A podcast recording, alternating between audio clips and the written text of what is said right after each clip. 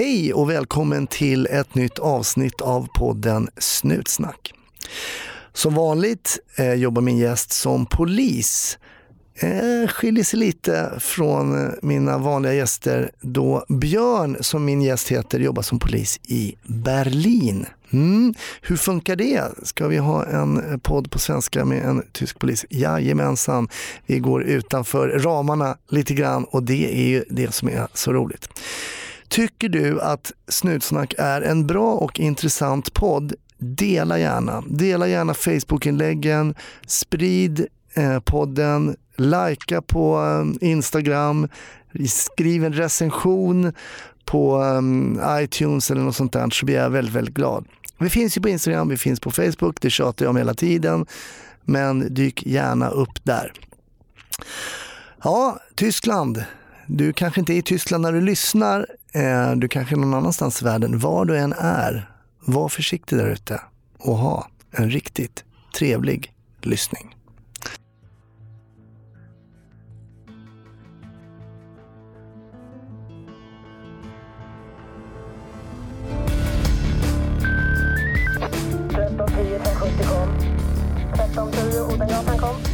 Ja, det är uppfattat. Vi tar det. Slut. Bra. Klart slut. Herzlich willkommen Björn. Hallo, danke schön. Wie geht es dir? Sehr gut, danke. Wie geht es dir, Hasse? Auch sehr gut. Ja, det där var ju en lite udda början på eh, podden Snutsnack. Men det finns en anledning Björn till varför jag eh, pratade lite tysk med dig. Dels är jag glad eftersom jag själv är ju halvtysk. Eh, men du jobbar som polis, men var? Ja precis, jag jobbar som polis i Berlin i Tysklands fina och mindre fina huvudstad.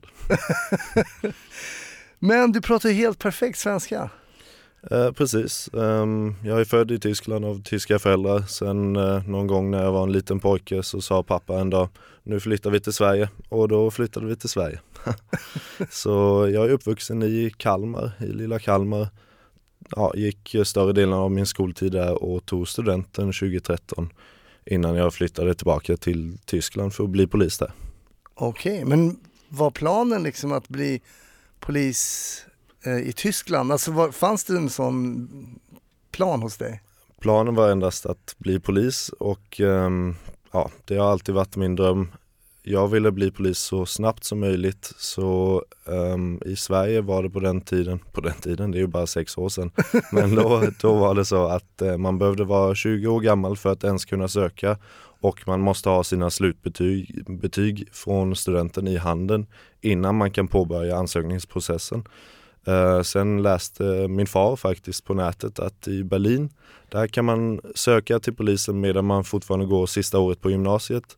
Så jag flög hem, eh, eller flög hem, flög till Berlin under eh, trean på gymnasiet några dagar, gjorde ansökningstesterna och um, ja, Eh, sen efter att jag hade tagit studenten så kunde jag lämna in mina slutbetyg för att eh, avsluta processen och så kunde jag börja på Polishögskolan direkt efter sommaren där så jag slapp göra någonting annat eh, än att vara polis eller plugga ah, till polis. Okej, okay, okay.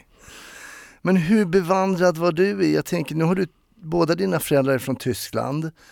Eh, min mamma är från Tyskland och vi pratade ju lite tyska hemma och sådär. Så man, jag har ju aldrig pluggat tyska utan jag har ju lärt mig det bara genom att lyssna och, och prata själv och sådär. Men tyska grammatiken tänker jag. Jag frågade dig precis innan här om några prepositioner. Men eh, hur var det att göra testerna på tyska så här, om du är uppvuxen och gått skolan i, i Sverige? Ja precis, det var faktiskt en utmaning. Trodde jag att det skulle vara i alla fall eftersom ja, jag har ju bara gått i svensk skola förutom ettan och tvåan, kanske trean i Tyskland också. Alltså första åren då? Precis, så jag hade ju precis lärt mig skriva och läsa lite grann på tyska men min svenska var ju betydligt bättre då. Um, men ja, det gick vägen och jag kom in på, på uh, första försöket där så det kändes bra. Kul! Och hur var, vi har ju pratat i den här podden om den svenska polisskolan, men hur var det att komma ner då till den tyska polisskolan? Hur många skolor finns det? Det är klart, nu är det olika regioner i Tyskland och sådär så det fungerar lite annorlunda. Men vi går till Berlin då, hur, finns det bara en skola i Berlin? Ja precis, det man måste veta om det där är ju att Tyskland först och främst är ju en federal stat med 16 olika delstater eller förbundsländer, Mm. bundesländer som de kallar dem. Och eh, det har väldigt stor inverkan även på polisen för att varje enskild delstat har sin egna polismyndighet som kan skilja väldigt mycket på ekonomi, till och med uniformer, bilar, utrustning och till och med polislagen. Ehm, Mm. Sen är det så därtill att eh, i Tyskland, åtminstone i de flesta delstaterna och ehm, även i Berlin så finns det tre olika nivåer av polisutbildning. Ehm, den vanliga är precis som här, man pluggar två år och går ett halvårs eh, aspirant. Um, sedan finns den som kallas högre polisutbildningen, uh, vilken jag valde. Det är en treårig akademisk utbildning som också innehåller ett halvårs praktik eller aspiranttjänstgöring. Um, ja, enda skillnaden är egentligen att uh, efter att du är klar med den högre polisutbildningen så blir du inspektör direkt. Så du, du hoppar över assistentgraden. Um, men i övrigt är det ingen större skillnad. Du lär dig lite mer fördjupat om olika, olika ämnen. Men är det Ehm. mer befälsföring också man pluggar eller? Tanken på längre sikt är eh, absolut att man ska ha ledningsfunktioner snabbare. Ehm, problemet är att i början, eller ja, problemet, det är ju rätt att man gör samma sak i början, nämligen åker radiobil. Så när jag var klar ehm, 2016 så åkte jag radiobil precis eh, som alla andra som hade gått den vanliga polisutbildningen så att säga.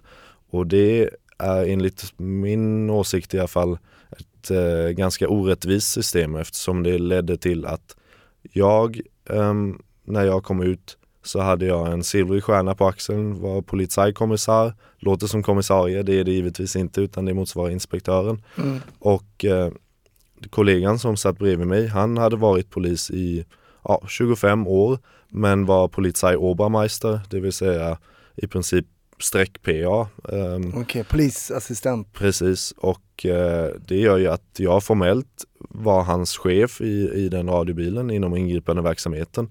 Givetvis var jag i alla fall så hade jag så stor insikt att jag förstår ju att jag som helt ny, som räv som man kallar det i Sverige, det. Eh, det har jag lärt mig nu.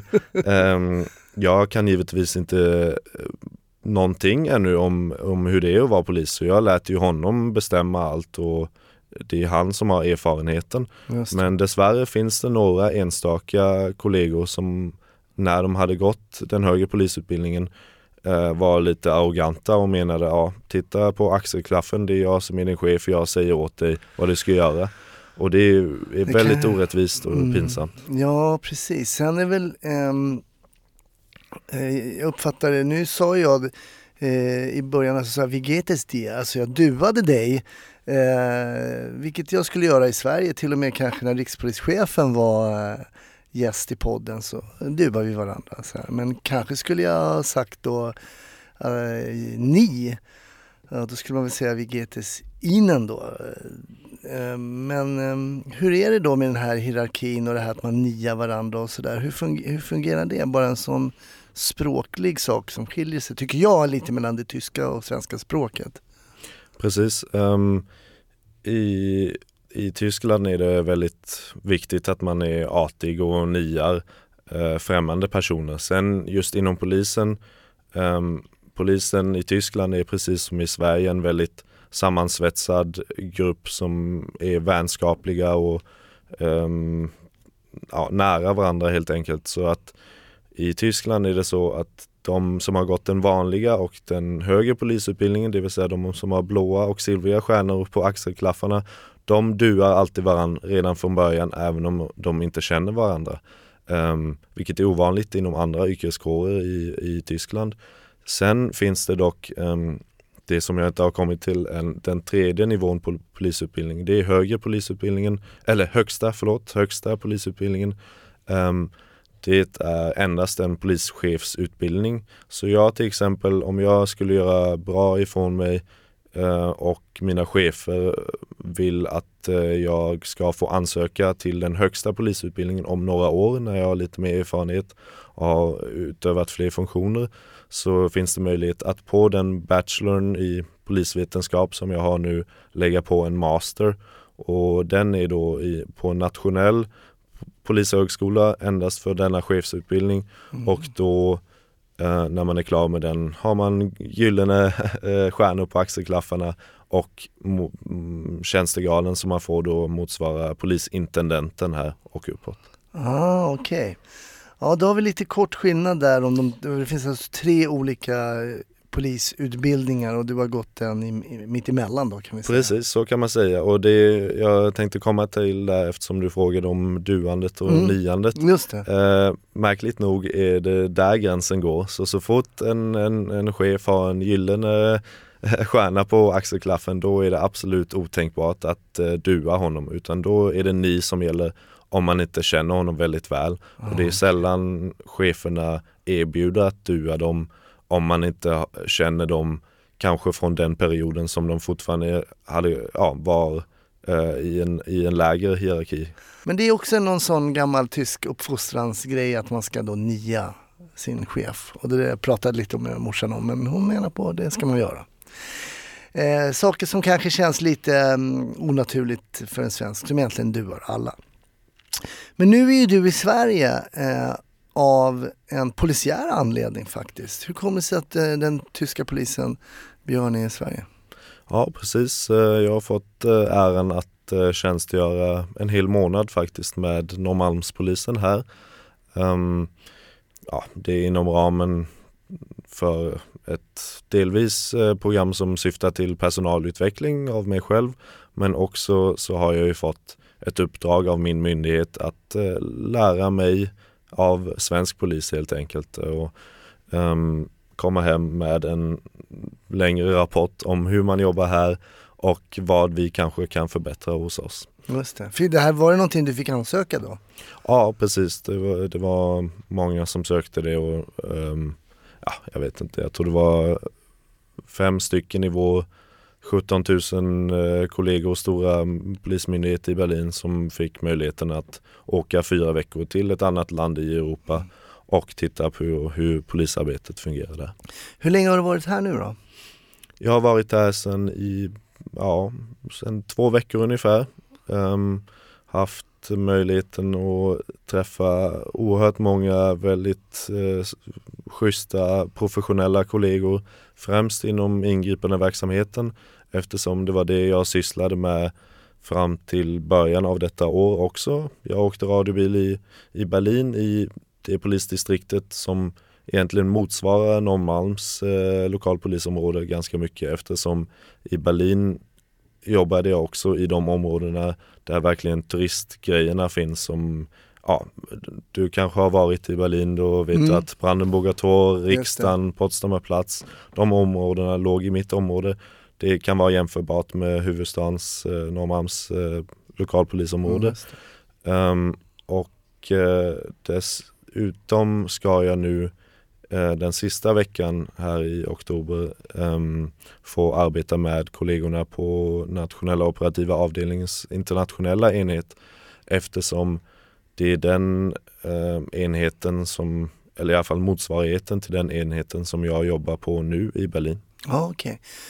Skulle du kunna komma på det första, någon skillnad som du märkte när du kom ehm, till och besökte nu svensk polis här och eh, Norrmalmspolisen? Var det någonting som du fick upp ögonen för som skilde sig Det mot finns den tyska?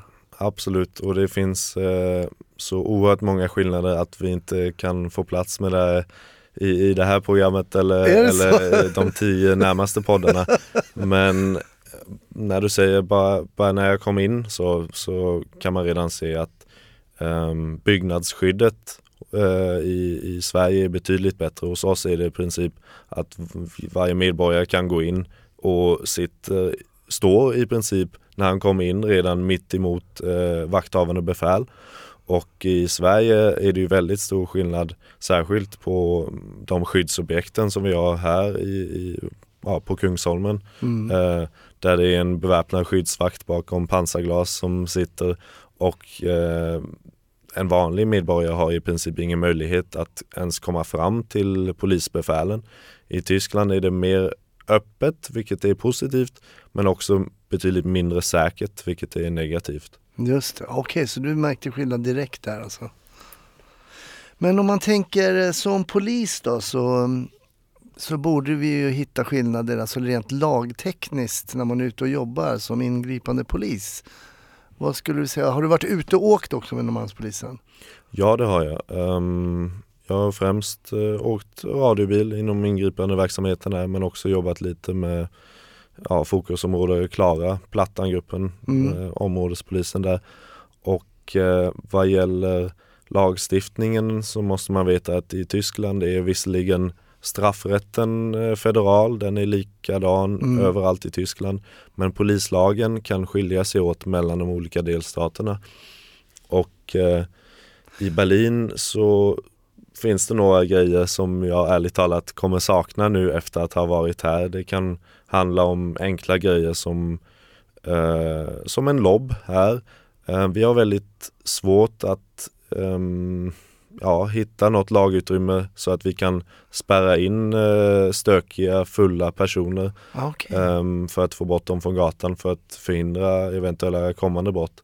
Sen vet jag att eh, LOB, ja, lagen om vård av omhänd... Ja, vad heter den? Ja, lagen om omhändertagande av berusade personer. Precis. Sen vet jag att eh, den är en vårdlag givetvis. Mm. Men i själva verket så tjänar den ju till att eh, ja, få bort personer som annars eh, hade ofta utgjort en fara för andra ute på gatan och eh, vi har i sådana fall om vi inte har något brott som har begåtts endast möjligheten att avvisa personen men inte att låsa in personen. Det är någonting jag saknar i Berlin. Okej, okay. Kan tänka att det finns även en del stök där på helgerna. Eh, vi, vi pratar ju mycket om gängkriminalitet till exempel i Sverige just nu, är väldigt aktuellt om att gängen, folk skjuter varandra och så vidare. och så vidare. Hur ser det ut i, i vi kan ju ta just Berlin då, där du jobbar. Vi har också stora problem med, ja, i Tyskland kallar vi det klankriminalitet. Ehm, men det skiljer sig åt eh, hur, hur det ser ut i Sverige. Hos oss är det vanligen stora, um, stora familjer från arabiska länder som um, håller sin, sin business så att säga, sin kriminalitet vad gäller droghandel, trafficking, prostitution etc. inom familjen. Um, alla de som jobbar med, eh, som begår brott tillsammans har vanligen samma efternamn. Uh, medan här har jag förstått att det oftast är lite lösare sammansatta nätverk Ah, okej. eh, i, i förorterna som inte måste ha samma etniska bakgrund utan mer har växt upp tillsammans helt enkelt. Sen måste man tyvärr konstatera att em, i Tyskland har inte deras eh, konflikter, gängens konflikter riktigt nått em, ja, allmänheten på det sätt att det utspelas strider mitt ute på gatan. Ehm, det, har, det är extremt mycket allvarligare i Sverige och eh, det är få kollegor i Berlin som tror mig när jag berättar att eh, det här i Sverige sker en skjutning eh, var, var och varannan dag mer eller mindre. Att det kastas handgranater, att det sprängs byggnader och Ser ni inte det på samma sätt i Tyskland? Absolut inte. Jag, en anekdot som jag kan nämna är att jag hade förmånen att ehm, få åka med Malmöpolisen eh, faktiskt precis när jag var klar polis 2016. Då var jag hos dem i två veckor. Väldigt professionella och ehm, ja, eh, imponerande kollegor hur de handskas med den extrema situationen där. Och eh, jag kan ju säga att under de två veckorna så var det vad jag kommer ihåg flera skjutningar eh, som kollegorna åkte på bara under två veckor. Under de tre år jag har varit polis i Berlin så kan jag endast komma ihåg två skjutningar. Mm. Så det är en absurt stor skillnad och det, det, de få skjutningar eller om det någon, finns någon enstaka sprängning, de har inte um, riskerat allmänhetens liv medan Just man här har exempel på oskyldiga som har dödats. Ja, vi har haft ett, eh, vi har ett antal exempel, tyvärr, där um, oskyldiga dödas. Så vi har ju bara i närtid då, det kanske mest spektakulära som blev väldigt eh, omtalat var ju en mamma som blev skjuten i huvudet i samband med någon form av gänguppgörelse då. Och, um, men det, det som är tragiskt tycker jag, det är väl att man bläddrar förbi det här nu när man läser sin dagstidning eller sånt där och tänker ja, ja, det är en skjutning till, en skjutning till. Och det är ju jätteintressant att höra att Berlin som man ser då som en stor stad, att det inte skulle ske där på samma sätt som i, som i Sverige. Vad, vad, tänker du som tysk polis när när du ser den här skillnaden? Är det någon spontan tanke kring varför det sker eller? Ja, det är väldigt enkelt. Det är, ju bara Sveriges politiker som kan hållas ansvariga för det. Ehm, jag tycker det är väldigt synd att när man läser eh, tidningar eller sociala medier så är det ofta ehm, svenskar eller folk som bor i Sverige som som eh, ja, klagar på polisen helt enkelt och på enskilda poliser. Och efter att ha varit med um, här och sett hur polisen jobbar så jag, ja, är jag övertygad om att uh, de enskilda poliserna gör absolut allt de kan. De är oerhört motiverade. De anstränger sig eh, ja, in till bristningsgränsen för att uh, upprätthålla någon slags lag och ordning. Men de, de som har gett upphov till den här situationen det är ju politiker som inte, ja för det första inte har prioriterat polisen och resten av rättsväsendet tillräckligt mycket vad gäller resurser och personal. Men också, och det, det måste man säga som det är, eh, haft en ansvarslös eh, invandringspolitik som ja, har spett på eh, kriminaliteten ännu mer. I Tyskland har vi också eh, många exempel på att de, de gäng som redan var väletablerade utnyttjade eh, flyktingar för sina ärenden eh, och eh, ja, försatte dem i, i en kriminell bana, mm. vilket antagligen inte hade skett annars som um, utan de hade ju antagligen valt en, en, en hederlig väg i livet men Eh, tyska gäng såg det som en enkel möjlighet att eh, rekrytera folk som pratar samma språk som de kanske och eh, utföra ja, drogtransporter och andra grejer åt dem. Eh, och i Sverige är det ju på många sätt samma sak att eh, den stora invandringen har, har gjort det ännu mer ansträngt eh, vad gäller lag och ordning. Invandringen har ju varit en stor fråga i Sverige som man länge inte har fått prata om. Det har ju varit så att um, Nej men det är som att svenskarna har varit så, ja, vår statsminister själv satt någon gång varit naiva. Vi har varit naiva har han sagt men jag ska förenkla och säga så här, ibland så tror kanske svenskar, jag generaliserar nu, att människor som är på flykt bara är goda människor.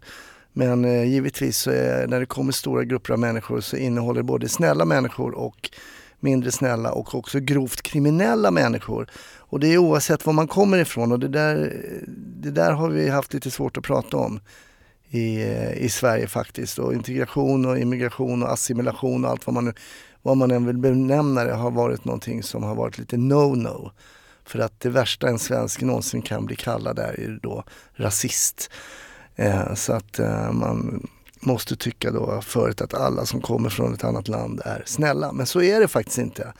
Eh, och det får man ju som polis eh, erfara ganska tidigt att oavsett vad man har för härkomst så kan man ju vara både eh, snygg, ful, vacker, kriminell eller väldigt skötsam. Välkommen till Momang, ett nytt smidigare kasino från Svenska Spel, Sport och Casino där du enkelt kan spela hur lite du vill. Idag har vi en stjärna från spelet Starburst här som ska berätta hur smidigt det är. Jaha, så smidigt alltså. Momang, för dig över 18 år. Stödlinjen.se. Innan vi lyssnar vidare på Björn och hur det är att jobba som polis i Berlin så vill jag passa på att pusha för Live-podden som är på Scalateatern i Stockholm den 1 april. Där ska vi prata om polisfilmer. Jag har bjudit in Eva Röse och Micke Tornving som båda spelat poliser på film. Och vi ska höra lite hur man förbereder sig inför en sån sak. Men givetvis också ska vi höra vad de har för favoriter. Ja, vi kommer helt enkelt vrida och vända på ämnet polisfilmer och det vore ju jättekul om du kom och lyssnade.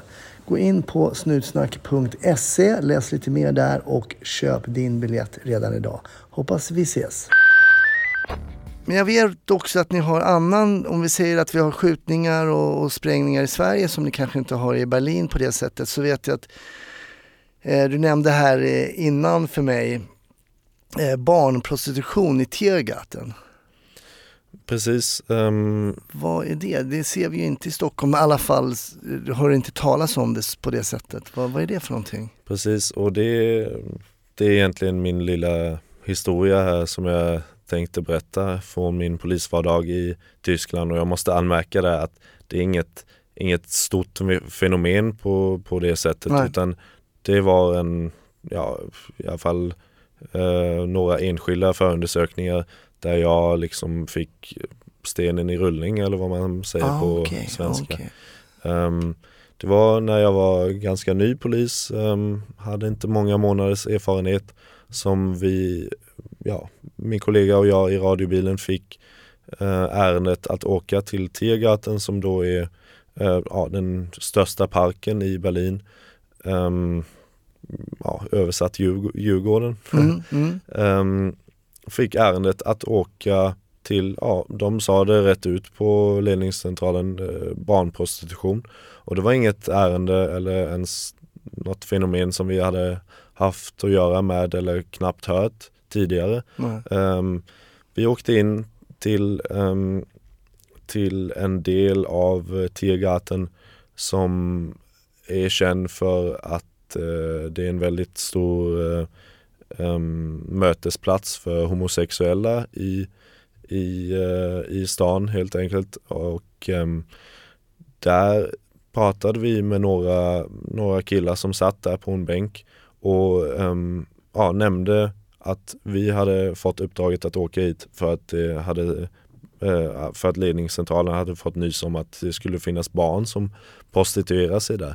Och em, Var ni där i uniform då eller? Precis, eh, Mm. med en helt vanlig radiobil och eh, ja, det, det var nästan det mest skrämmande när de personerna som satt där på parkbänken bara rakt ut, ja ja absolut, eh, det känner vi till, det har varit så i flera veckor och eh, det finns två, ja, 8 till 10-åriga killar som eh, cyklar runt här som eh, erbjuder sexuella tjänster. Och, och bara det, det uttalandet gjorde mig så extremt förbannad eh, för att jag trodde det var en självklarhet att varje vanlig människa skulle ringa polisen så fort man får nys om det där. Men det hade alltså pågått i flera veckor utan att de personerna som brukar befinna sig i den här delen av parken ens hade övervägt att ringa polisen. Sen menar de själva, ja, underströk de att ja, vi har inget med sånt där att göra. Och ja, det är mycket möjligt. Men vad fan, då, ursäkta mig, men då måste man ju ringa polisen direkt när man får höra en sån grej. Mm. Ehm, de berättade även att så fort eh, vi unif- uniformerade poliser um, åker omkring där i Tiergarten ehm, så kommer de här, brukar de här killarna försvinna på sina cyklar. eh, vilket föranledde oss att helt enkelt ehm, ja, dra oss bort därifrån och ringa en, en spaningsgrupp Mm. som då ehm, ja, bara någon halvtimme senare när de hade gått runt där i civila kläder eh, hade lyckats få tag på en av de här grabbarna ehm, och kallade di- dit oss igen då. Ehm, och det här var en, ja, jag skulle säga åttaårig eh, pojke från Rumänien som ja, inte talade någon, någon särskilt god eh, tyska men ehm, när vi kon, ja, frågade honom eh, vad han sysslade med här och så, så menade han att han bara var ute och cyklade här, eh, började gråta, ville, ville gå hem till sina föräldrar sa han och så vidare. Mm. Men eh, Eh, vi hade ju pratat med, med ett antal vittnen som hade bekräftat att ja, det här är en av de killarna som, eh, som helt enkelt erbjuder sexuella tjänster till, eh, till den här communityn av homosexuella män som rör sig i, i Tigraten där. Och ehm, därför kunde vi inte släppa det. Vi tog med honom till stationen, lyckades i alla fall utreda hans identitet. Ehm, som sagt en eh, åttaåring från eh, Rumänien som ja, inte var särskilt samarbetsvillig. Mm. Men eh, en kvinnlig kollega lyckades sen i ett enskilt samtal få ut från honom att ehm, jag gör det jag måste göra Okej. och ehm, annars har mina föräldrar sagt att eh, vi måste åka hem till Rumänien och det vill inte jag att mina föräldrar ska tvingas göra. Så jag gör det som måste göras.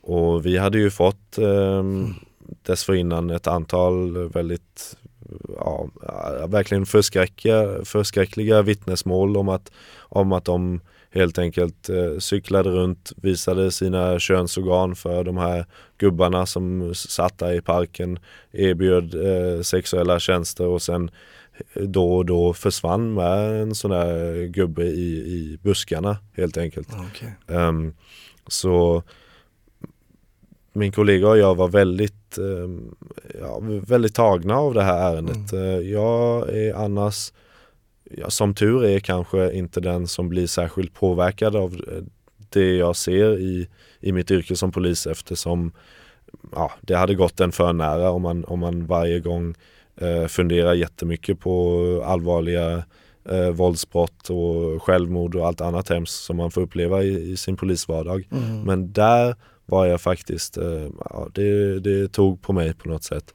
Och min kollega och jag gjorde verkligen allt för att försöka hjälpa den här killen. Eh, vi, vi, ringde, vi ringde en domare för att försöka anordna att, att den här killen ja, egentligen med, med tvång tas ut ur den här familjen tills man har kunnat utreda vad det är som har hänt. Mm. För att det var väldigt tydligt att han sa, ja, jag tänker inte egentligen säga någonting mer om det här och jag vill hem till min familj och jag kommer gå hem till min familj så fort ni släpper mig.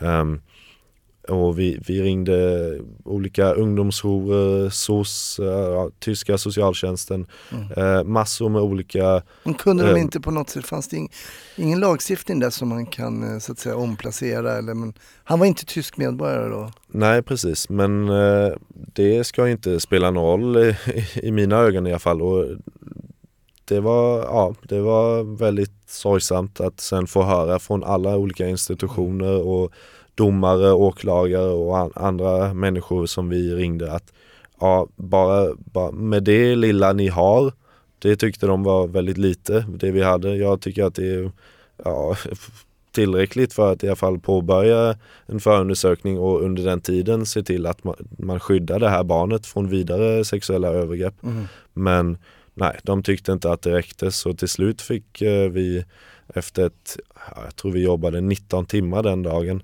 Mm. eh, 19 timmars pass, eh, skjutsa hem, eller inte skjutsa hem utan skjutsa honom till socialtjänsten, ungdomsjouren där, där vi visste att eftersom det inte är någon stängd avdelning så kommer han lämna Mm. där så fort han kommer dit. Och precis så var det också. Så han, han eh, åkte hem till sina föräldrar eller, ja, näst, samma dag. Och inte ens någon spaningsresurs fick vi för att i alla fall kunna följa honom och ta reda på vart hans föräldrar bor, vart de här misstänkta bor som ja, mer eller mindre säljer sina barn. Mm. Med hallickar till sin egen son då typ? Precis, eh, så allvarligt var det faktiskt. Och eh, ja, jag, jag var vanlig ingripande polis. Ehm, Jag hade inte med utredningen att göra och ehm, det ledde till att jag fick inte höra knappt någonting mer om det här ärendet fram till bara för några månader sedan när jag blev kallad som vittne till en rättegång Mm. eh, där man ehm, som tur var då hade, eh, hade lyckats ehm, gripa efter en väldigt lång och väldigt eh, ja, stor utredning lyckats gripa de båda eh, papporna till de här två killarna. Man fick Okej. även tag på den andra killen som hade tvingats sälja sin egna kropp. Ehm, hade lyckats gripa dem eh, hemma i Rumänien, eh, fått dem ehm, transporterade till Tyskland och med mitt vittnesmål och många andra vittnesmål sen så lyckades i alla fall rättsväsendet att ge dem långa fängelsestraff på jag är osäker nu om det var sex eller åtta år men de, de är i alla fall borta ett tag och eh, killarna befinner sig i säkerhet nu. Det var ju skönt att höra. Eh, Det finns ju många eh, nivåer här tycker jag på det här caset som eh, jag tycker är väldigt intressant. Dels kan man ju börja på den nivån när du säger att ärenden du åker på, du ser mycket saker i din vardag som polisman. Att du ser självmord, du ser eh, grovt våld och så vidare, och så vidare. Det berör inte så mycket men sen så kommer du då till den åttaåriga killen så känner du att här händer det någonting. Eh, det kan man ha förståelse för, det kommer till barn, vi är lite känsligare eh, kring vad som händer barn och så. Men just det här vad människor gör mot andra människor är, tycker jag på något sätt kan twista min hjärna så mycket. Och i det här har vi dels vad jag generellt var vilka elaka saker men också mot sitt eget barn. Alltså man förstår ju att fattigdom är jobbigt och så men det är väl väldigt få som skulle kasta ut sin son eller dotter som åttaåring för att eh, sälja sig själv för att få pengar. Det är så många nivåer av, av ela, ren och skär ondska här tycker man ju. Precis så är det. Alltså ordet ondska beskriver det verkligen. Det är så jag känner och det är så nog vi, vi alla vanliga eh, människor känner. Det, det, är så oföreställbart, eh, så absurt att, att tänka sig att de här papporna sålde sina egna eh, åttaåriga barn till, eh, till olika eh, vidriga gubbar som utnyttjade dem sexuellt så att papporna, ja vad vet jag vad de gjorde med pengarna. Men det kändes väldigt hemskt. Ja. Hur är lagstiftningen där i Tyskland gällande liksom sälja och köpa sexuella tjänster? I Sverige är det ju inte illegalt att sälja utan men däremot är det illegalt att köpa en sexuell tjänst. Hur ser det ut i, i Tyskland? Precis, um, i Tyskland så är även köpet av sexuella tjänster um, lagligt. Uh, det legaliserades för, för många år sedan och um, det finns olika åsikter om det där men i allmänhet så är faktiskt den tyska approachen annorlunda än, än den svenska, nämligen att eh, man tycker att genom att eh, både säljandet och köpandet av sexuella tjänster är lagligt så är det lättare att komma åt den verkliga brottsligheten bakom som eh, trafficking, som koppleri, som sexuella övergrepp och misshandel.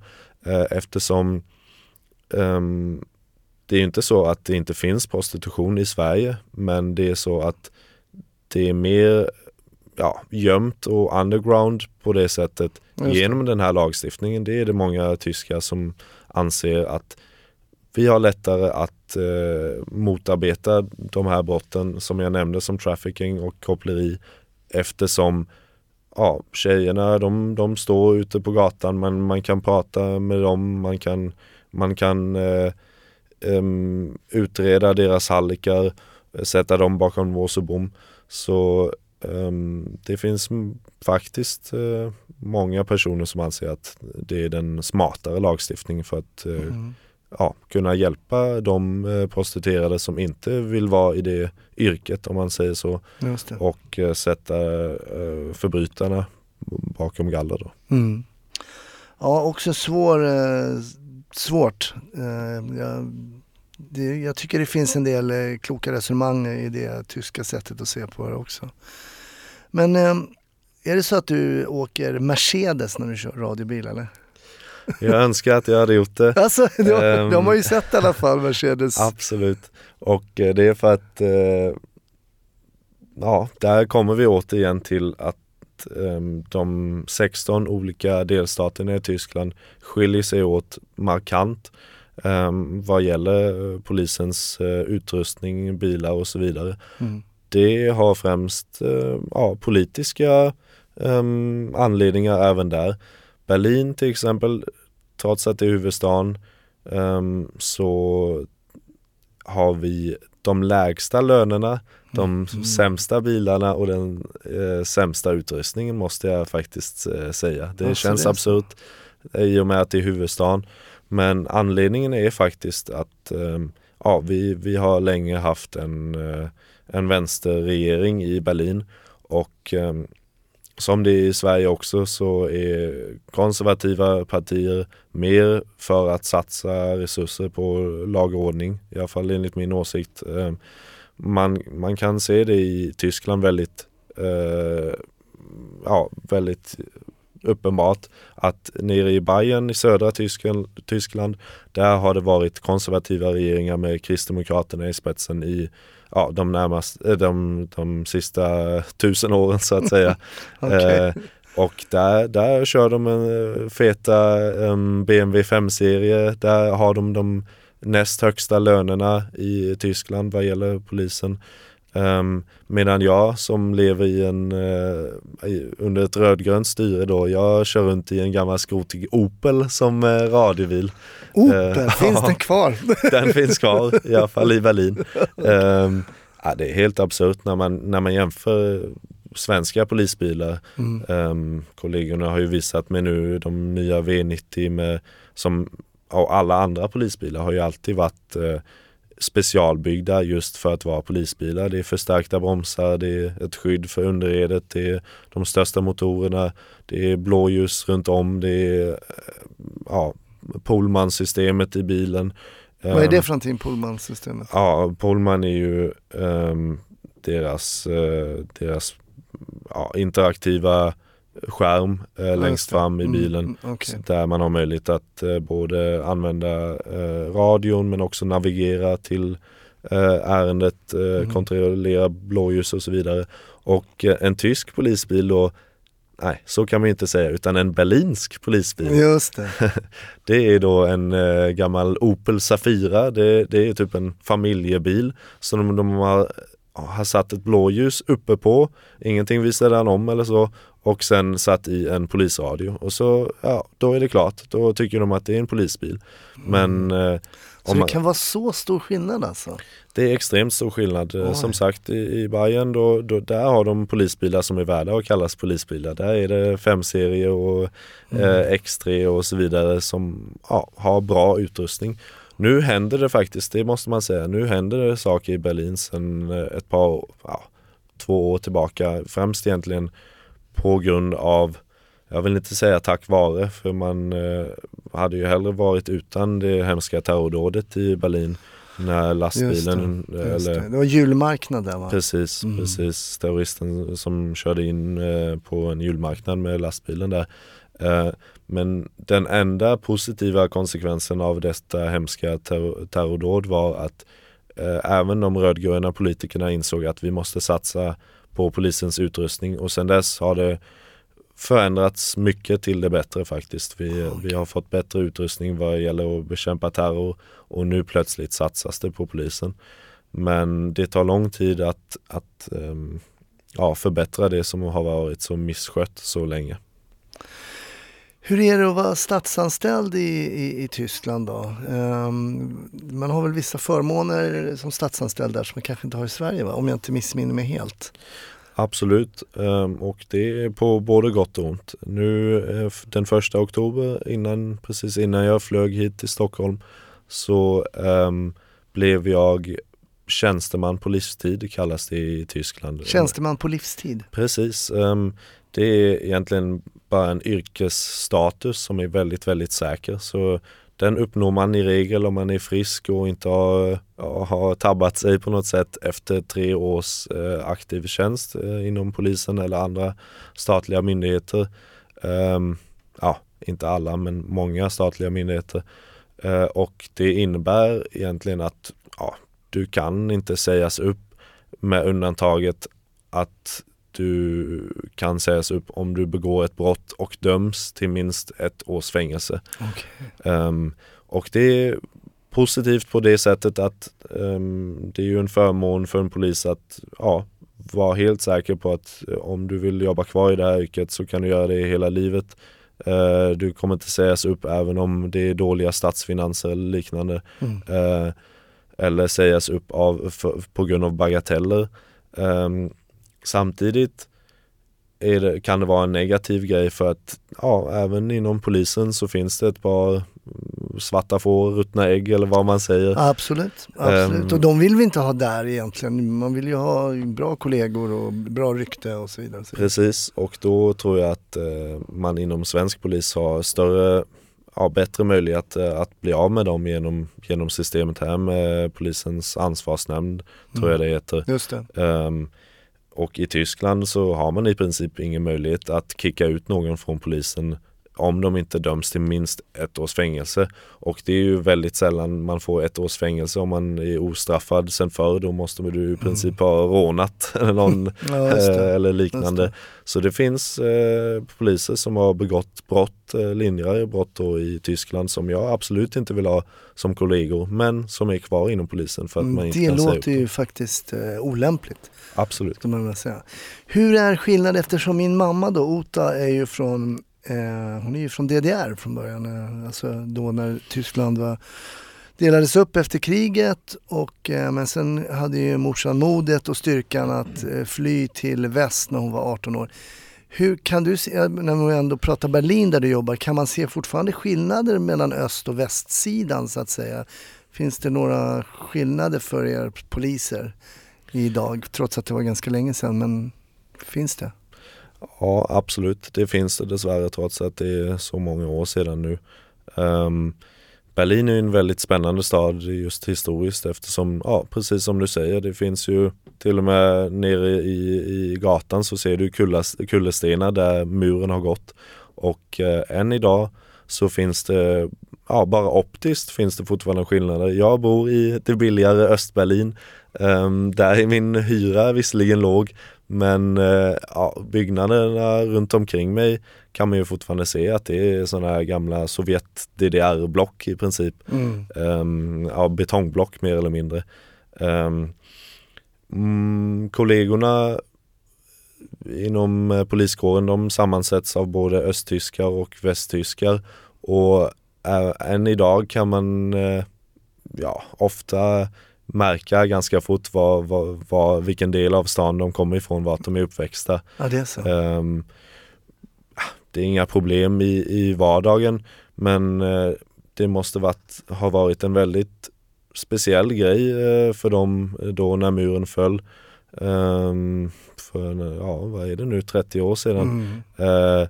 Att till exempel tänka sig att har varit en östtysk polis i en, ja det var ingen eh, demokrati på något sätt och där hade ju polisen eh, väldigt, väldigt stor respekt och man skulle ju aldrig få för sig att eh, säga något ont om polisen där för att man kan räkna med väldigt allvarliga statliga trakasserier där. Mm. Sen föll plötsligt muren och de kanske började jobba i väst och allting var så annorlunda. Polisen var i vissa kretsar inte värd någonting längre. Nej. Det måste varit eh, ja, svårt för dem att handha det men det har Ja. de lyckats med. Jag kommer ihåg alltså som ung pojke när jag hälsade på min mormor och morfar som då bodde i Notthausen hette det, Hartsområdet. Okej, Och, eh, men eh, man skämtade, jag var ung pojke, skämtade om saker och ting och min morfar hyschade mig så här, "Shh, shh, det här pratar vi inte om här. Alltså, det var så? Ja. hemma. Alltså Okej. hemma, som om man, man skulle vara avlyssnad i sitt eget hem. Mm. Så det var ju, man kunde inte förstå vissa saker. När jag sa till min pappa till exempel att varför kan inte mormor och morfar köpa mjukare toapapper? Alltså det var som att torka sig i röven med sandpapper. Och så sa pappa, men det finns bara en sort. Ja. Och då behövde man inte vara speciellt intelligent för att fatta att det här är något som inte stämmer om man, om man inte ens kan få välja Eller hur? på mer än en sorts toapapper.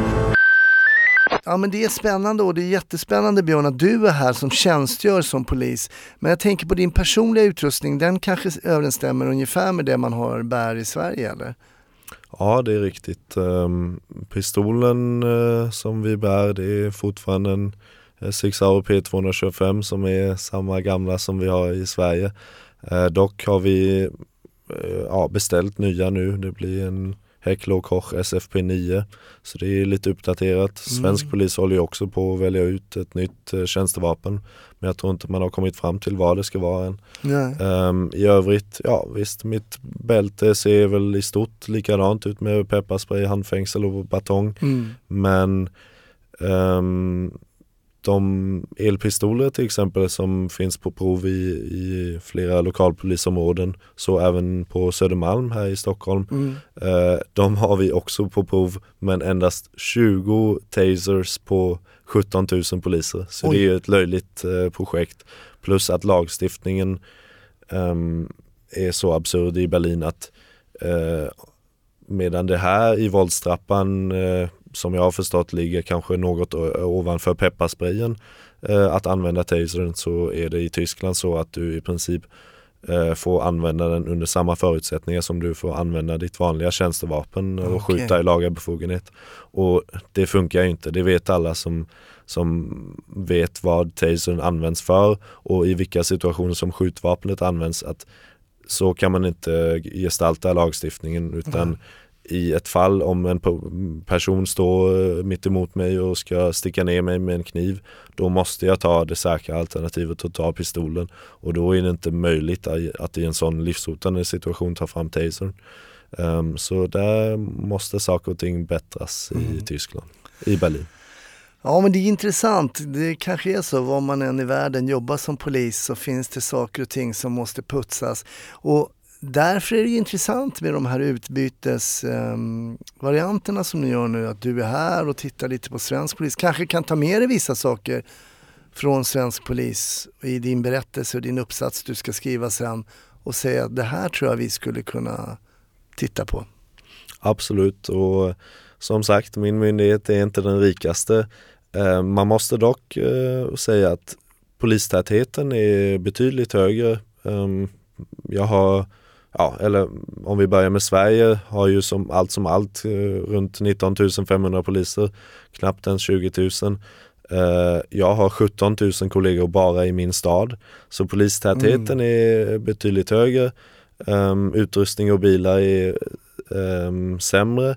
Men som sagt, om, om jag ska ge förslag till min myndighet så är det ju då på grund av de ansträngda finanserna så att det inte får kosta oerhört mycket Nej, pengar nej, eller helst inga pengar alls. Nej. Eh, Jag kan inte föreslå att eh, de ska köpa in en eh, fet Volvo V90 med full, full utrustning. Däremot finns det jättemånga saker som svensk polis gör väldigt professionellt som inte skulle kosta några pengar. Ehm, låt oss nämna som exempel underrättelsearbetet. Mm. De sysslar med även på ingripande polisnivå, på radiobilsnivå. Det är väldigt professionellt. Eh, på varje utsättning här i, i Stockholm och i resten av Sverige så tror jag, Mm. jag vet att det är så i Stockholm och i Malmö, Ja. eh, så går man igenom fokuspersonerna, de, de främsta kriminella inom området. Man, man går igenom bilar som man ska ha särskild koll på. Så att ingripande poliserna här, kollegorna här, de har väldigt god personkännedom. Vilket är jätte ja, Mm. för en ingripande polis. Medan vi i Berlin inte alls har lika strukturerade utsättningar eh, med eh, sådana underrättelseinsamling och så utan att, att bygga upp eh, som en karta med relationer mellan olika brottslingar och så det görs endast på, på jättehög nivå när det handlar om grovt kriminella men Okej. inte på ingripande nivå som man gör här. Så där har vi absolut någonting att lära oss av svensk polis. Intressant, intressant. Man tycker att det ska vara A och O nästan för poliser att ha en god kännedom om de som vistas i sitt distrikt och så vidare. Och så vidare vilka som är kanske mer, mer, är mer organiserat kriminella och så vidare.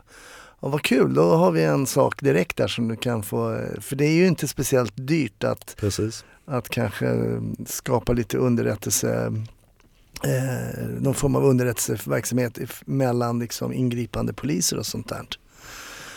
Ja, som du sa tidigare, vi skulle ju kunna sitta eh, väldigt länge och, och prata om, men nu har ju du berättat vad du skulle kunna ta med dig till Tyskland. Vad tror du svensk polis skulle kunna eh, implementera från tysk, eller i alla fall från berlinsk eh, polis då, när du har varit här under en i alla fall kortare tid. Eh, vad tror du svensk polis skulle kunna lära sig av eh, sina tyska kollegor?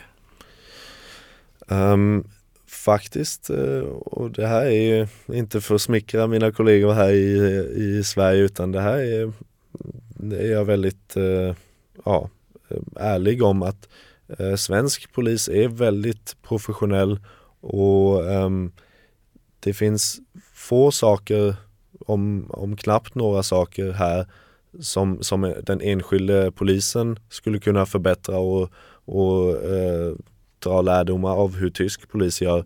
Utan i Sverige så hänger det som jag sa tidigare på politikerna att verkligen satsa på polisen, att, att höja lönerna och därmed höja statusen för yrket så att det faktiskt blir fler, fler poliser. Um, I Tyskland så utbildar vi väldigt många nu också, eh, särskilt i Berlin, men platserna fylls i alla fall. Eh, I Sverige lyckas man ju inte ens med att, eh, att fylla platserna på Polishögskolan och det hade man gjort om man hade höjt status och lön på yrket betydligt. Um, och där är det endast politikerna som, som kan göra någonting.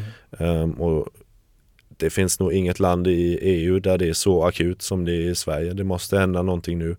Um, Tjänar du mer som tysk polis än vad din svenska kollega gör? Lönen har många kollegor här frågat mig om givetvis. Mm. Um, sammanfattningsvis kan man säga att en tysk polis i genomsnitt absolut tjänar mer än en uh, svensk polis. Mm. En Berlinpolis dock. det är ju ja, som sagt de lägsta lönerna av alla 16 delstater trots att vi är huvudstaden. Ah. Uh, en vanlig polis i Berlin tjänar ungefär lika mycket som en svensk polis brutto det är viktigt att understryka det eftersom mm. statliga tjänstemän i Tyskland betalar lägre skatt och genom att jag till exempel betalar runt 15% i skatt och att hyror och eh, livsmedel etc. är eh, en bra bit billigare i Tyskland så har jag till slut netto mer kvar av min lön än en svensk polis har som tvingas betala över 30% i skatt och en absurt hög hyra i Stockholm. Mm. Ja, intressant, intressant. Eh, vi brukar runda av med, eh, vi brukar runda av med ett tips. Eh, min mamma sa alltid att hon ville titta på en krimi, sa hon alltid. Det var liksom en deckare säger man väl på tyska. Säger man så fortfarande, eller krimi? Absolut, och det är ju en jättestor grej i, i Tyskland. Det är till och med de svenska filmerna med Beck, Wallander etc.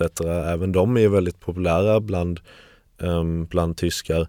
Men jag som många andra i, i din podd eh, måste säga att eh, de är ju, när man själv är polis, oerhört bristfälliga ofta vad gäller eh, språket, vad gäller eh, ja, sådana grejer som en polis vet, tjänstegrader, lagstiftning. Ehm, det var roligt, någon, någon, eh, någon gäst i din podd, jag kommer inte ihåg vem nu, nämnde som exempel att eh, ja, den enskilde polisen anhåller folk eller häktar folk, sådana grejer. Och en genomsnittstittaren kanske inte märker det men som polis är man väldigt kräsen. Och eh, Därför kan jag inte rekommendera tyska deckare heller för att de tar väldigt lite hänsyn till det heller. Plus att tyska deckare, precis som svenska, ofta um, handlar om någon slags kommissarie eller annan kriminalpolis som är utredare som Um, oj, plötsligt när han är utanför uh, kontoret som ju en faktisk kriminalpolis är på oftast, mm. så plötsligt ser han uh, uh, mördaren där och lyckas gripa honom själv. Uh, det är väldigt orealistiskt och det handlar ytterst sällan i polisfilmer om vanliga, riktiga ingripande poliser på, på radiobilsnivå. därför är min absoluta favoritfilm vad gäller polisfilmer uh, ja, den amerikanska filmen End of Watch. Uh, möjligt att någon gäst till dig har mm. rekommenderat den tidigare. Um, helt enkelt uh, ja, för att den handlar om vanliga radiobilspoliser. Sen att det är tillspetsade situationer där och att de på något sätt måste, måste göra den filmredo så att säga. Mm. Eh, det är självklart. Men det handlar ändå om vanliga radiobilspoliser i, i ett eh, dåligt eh, gängområde i Los Angeles. visar deras vardag, visar um, vänskapen mellan, mellan två ingripande poliser, att de även umgås privat. visa vilka oerhört hemska saker en ingripande polis kan, kan vara med om i sitt yrkesliv Mm. eh, och därför gillar jag den så mycket så det är en absolut rekommendation för mig. Tack Björn, jag håller med dig. Jätte, jättebra film som beskriver precis det, det du berättar. Det är många lager där av vänskap, tjänst och trubbel kan man väl säga som blandas in i såklart fiktion. Eh, men det måste, det, ju, det måste bli overkligt för att det ska bli spännande nästan eh, om man ska twista till en polisvardag. Jag säger stort tack, eller vielen Dank kan man ju säga det också på tyska för att du kom och tog dig tid att gästa Snutsnack trots att du är här på din eh, utbytestjänstgöring i Sverige. Och tack för att vi fick en inblick i alla fall hur det ser ut i Berlin och hur ni jobbar där. Och vi håller tummarna att ni slipper Opel i framtiden. Tack själv Hasse, det var jättekul att vara här. tack!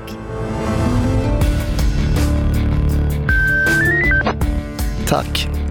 Nu tog det här eh, avsnittet av Snutsnack slut och det gör ju det tyvärr. Men det dröjer bara en vecka till nästa dyker upp.